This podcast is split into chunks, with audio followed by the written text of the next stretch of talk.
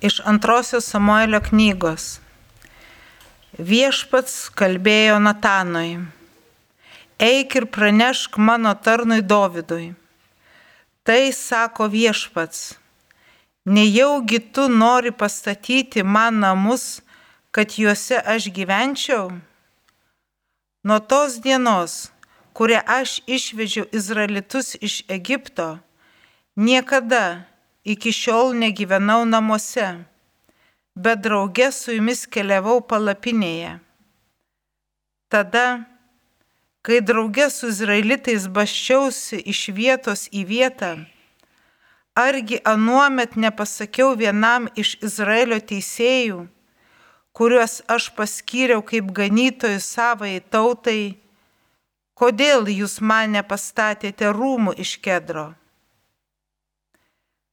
Todėl pasakyk mano tarnui Dovydui, tai sako kareivijų viešpats. Tave aš paėmiau iš ganyklos nuo bandos, kad būtum vadovas mano tautai Izraeliui Visuose tavo žygiuose aš buvau su tavim. Visus tavo priešus sunaikinau tavo akise ir išgarsinau tavo vardą, kaip vardą žemės didžiūnų. Savo tautui, tautai Izraeliui parūpinau vietą ir įkurdinau ją, kad saugiai galėtų gyventi ir nebekestų baimės kad nedoriliai jos nebespaustų kaip anksčiau, tais laikais, kada savo tautai Izraeliui paskyriau teisėjus.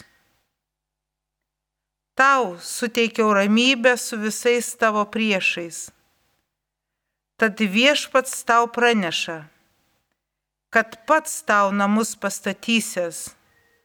Kai pasibaigus tavo dienomis tulsėsiesi pas tėvus, aš tavo palikonį, kilus iš tavęs, paskirsiu tavo įpėdiniu ir sutvirtinsiu jo viešpatavimą.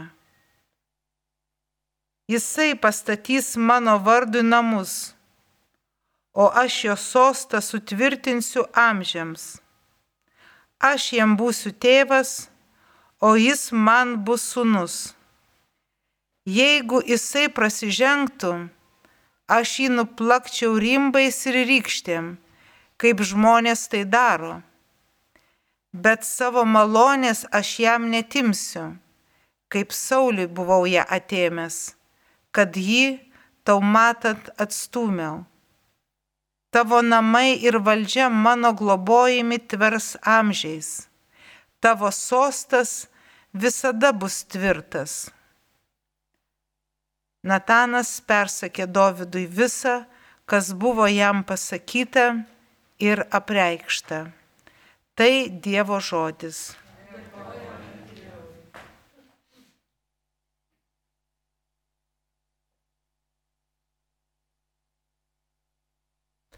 Aš būsiu per amžius, jam maloningas. Aš būsiu per amžius,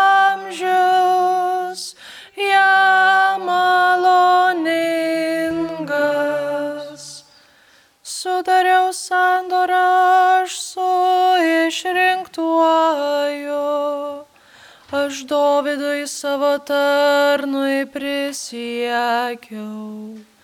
Giminė tavo amžiams sukūriau kartu kartomis tverianti sostą tau pastatysiu. Aš būsiu per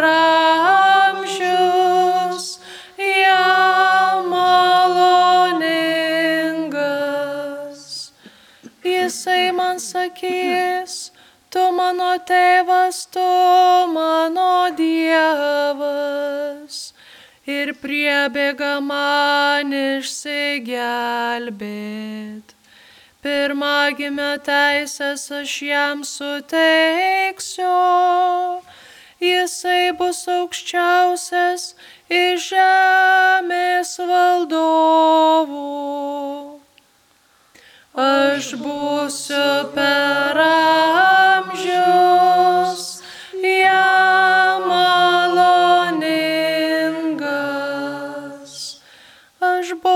per amžius jam maloningas, tvirta pasiliks sandora mūsų. Jo giminiai leisiu gyvuoti per amžius, ilgai kaip dangus stovės jo, jo sostas. Aš būsiu per amžius.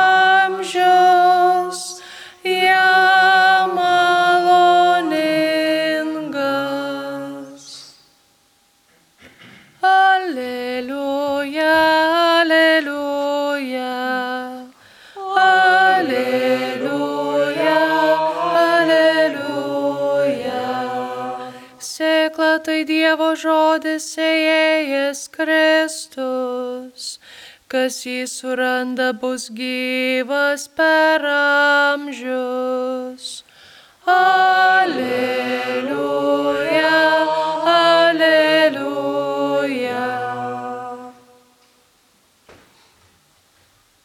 Viešpat su jumis.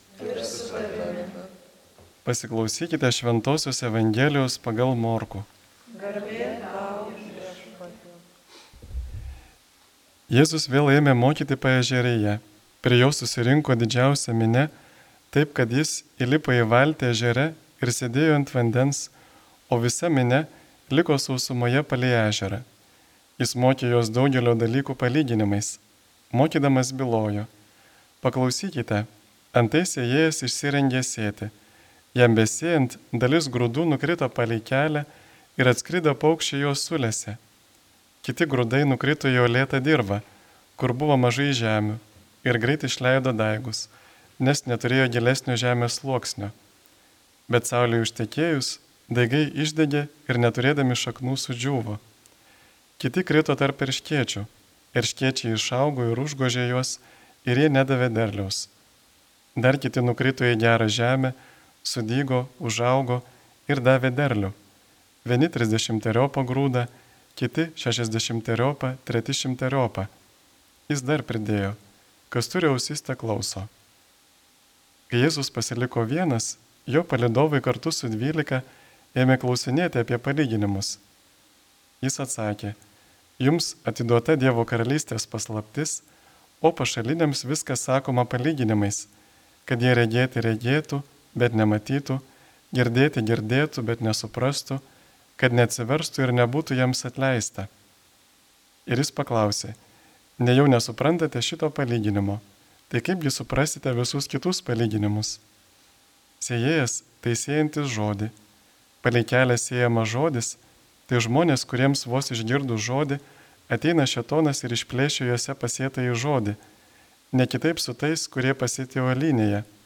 Išgirdę žodį, jo to jau su džiaugsmu jį priima, bet jie neturi savyje šaknų ir yra nepastovus.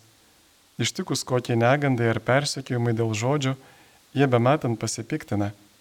Yra dar kiti, siejami tarp erškiečių. Jie išgirsta žodį, bet pasaulio rūpeščiai turto apgaulė ir įvairios sukilusios aistros nustelbia žodį ir jis lieka nevaisingas. Geroje žemėje pasėta sėkla tai tie, kurie išgirsta žodį, priima jį ir duoda vaisių - 30 teriopą, 60 teriopą ir 100 teriopą.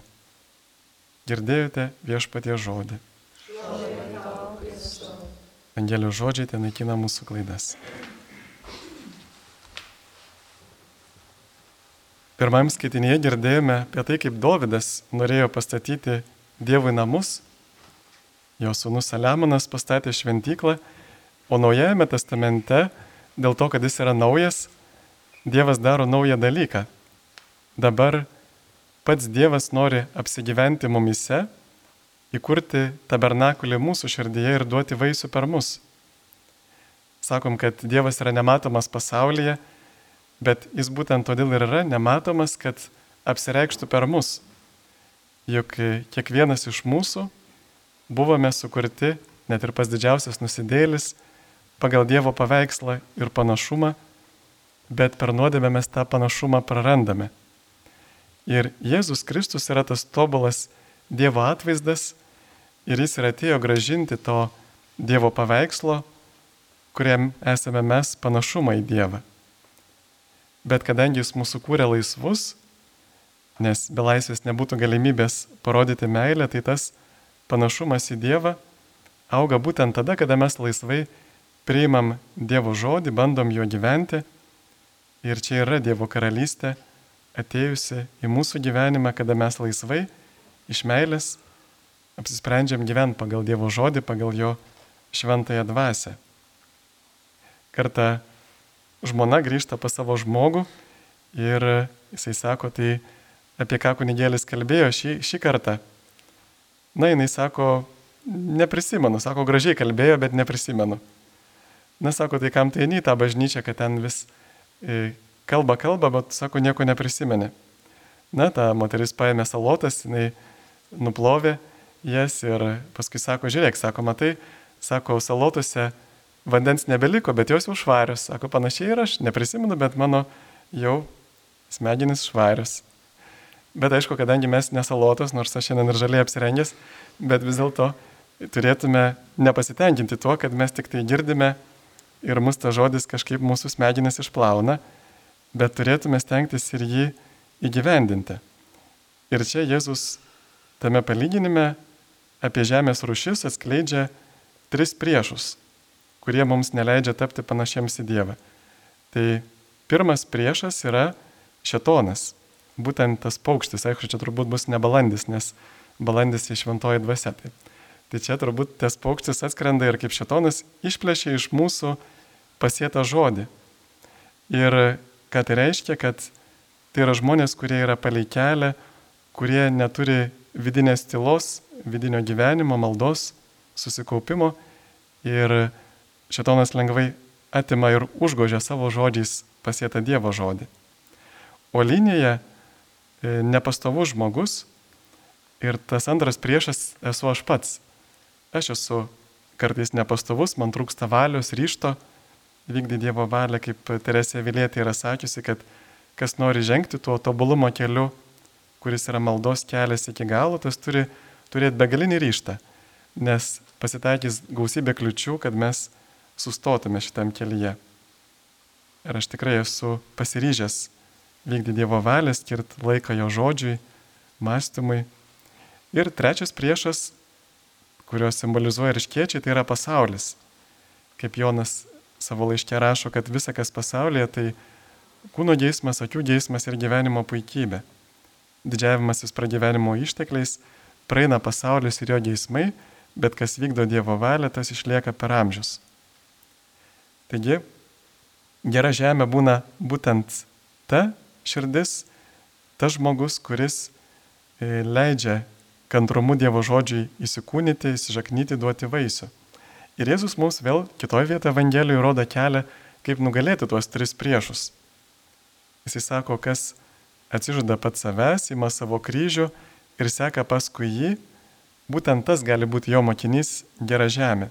Taigi mums reikia savęs atsižadėjimo, kad nugalėtume pasaulį, jo pagundas, turtą, malonumus, valdžią, mums reikia paimti savo kryžių, kad nugalėtume save, savo nepastovumą, nes tada, kada užtinka sunkumai ir kančia, mes turime priimti tą kančią, kad liktume pastoviai gerame, artimo meiliai maldoj.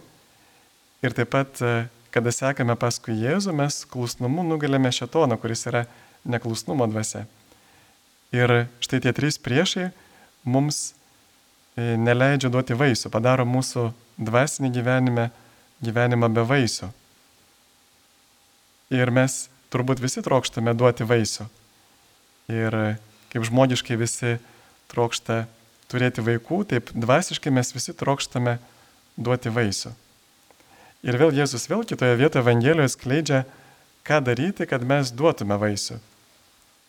Jono Evangelijoje jisai sako, Aš esu vynmedis, o jūs šakelės, kas pasilieka manyje ir aš jame, tas duoda daug vaisių. Nuo manęs atsiskyrę jūs negalite nieko nuveikti. Taigi mes duodame vaisių tada, kada pasiliekame. Ir čia e, pasiliekame vienybėje su Jėzumi ir čia neveltui yra ta visa nuolatinės maldos tradicija, kaip mes galime, ypatingai rytų bažnyčioje, ortodoksų bažnyčioje, kaip galime nuolatos pasilikti Jėzuje ir kada mes nuo jo atsiskiriame, tada vaisių nebeduodame ir todėl čia kartais yra pavojingi e, geri darbai atsiskyrus nuo Dievo, nes kartais, kaip sako Jurgis Matulaitis, mes galime dėl gerų darbų apleisti maldą ir tuomet e, apleidę maldą mes apleidžiame susilpnėję mūsų artimo meilę, mūsų Dievo meilę ir kartu ir išnyksta ir tie patys geri darbai. Taigi, kad mes pasiliktume jame, turime skirti laiko maldai ir tada šventoji dvasia gali duoti vaisių mūsų gyvenime, panašiai kaip soliariume, kai žmonės pabūna, aš nebandžiau, bet gal kas nors bandėte ir jie įdega, arba ant saulės pabuvę. Tai panašiai ir mes, kada pasiliekame, šventoji dvasia, kaip tas aliejus, įsismelkia į mūsų sielą ir duoda vaisių. Meilės, džiaugsmo, ramybės, kantrybės, malonumo, gerumo, ištikimybės, romumo, susivaldymo. Ir vėlgi, kam tie vaisiai? Visų pirma, tam, kad tais vaisiais mes galėtume apreikšti žmonėms Dievą, kad žmonės pamatytų Dievą mumise, tie, kurie jo nepažįsta. Ar aš galiu iš savęs pagaminti ramybę? Na, kad ir visą dėžutę antidepresantų išgerčiau, turbūt neturėčiau ramybės. Nes ramybė kyla tik iš šventosios dvasios. Ar aš galiu pagaminti meilę? Na, žmogiška taip, jinai nelabai ilgai tęsiasi, bet dieviškos ne, nes ji kyla iš šventosios dvasios. Ar galiu būti geras iš savęs, susivaldyti? Tai turbūt, kad be šventosios dvasios niekas nepaėdė susivaldyti. Taigi, šventoji dvasia mums padeda susigražinti tą panašumą į Dievą ir tapti galestingais, mylinčiai žmonėm pagal Dievo širdį. Taigi Dievas nori būti regimas mumise, kad mes jį paliudytume ir tie vaisiai yra atsivertę žmonės, kiek žmonių per mūsų gyvenimą gali atsiversti. Mes tada tampam šakelės, kurios, e, iš kurių išauga kitos šakelės ir duoda vaisių.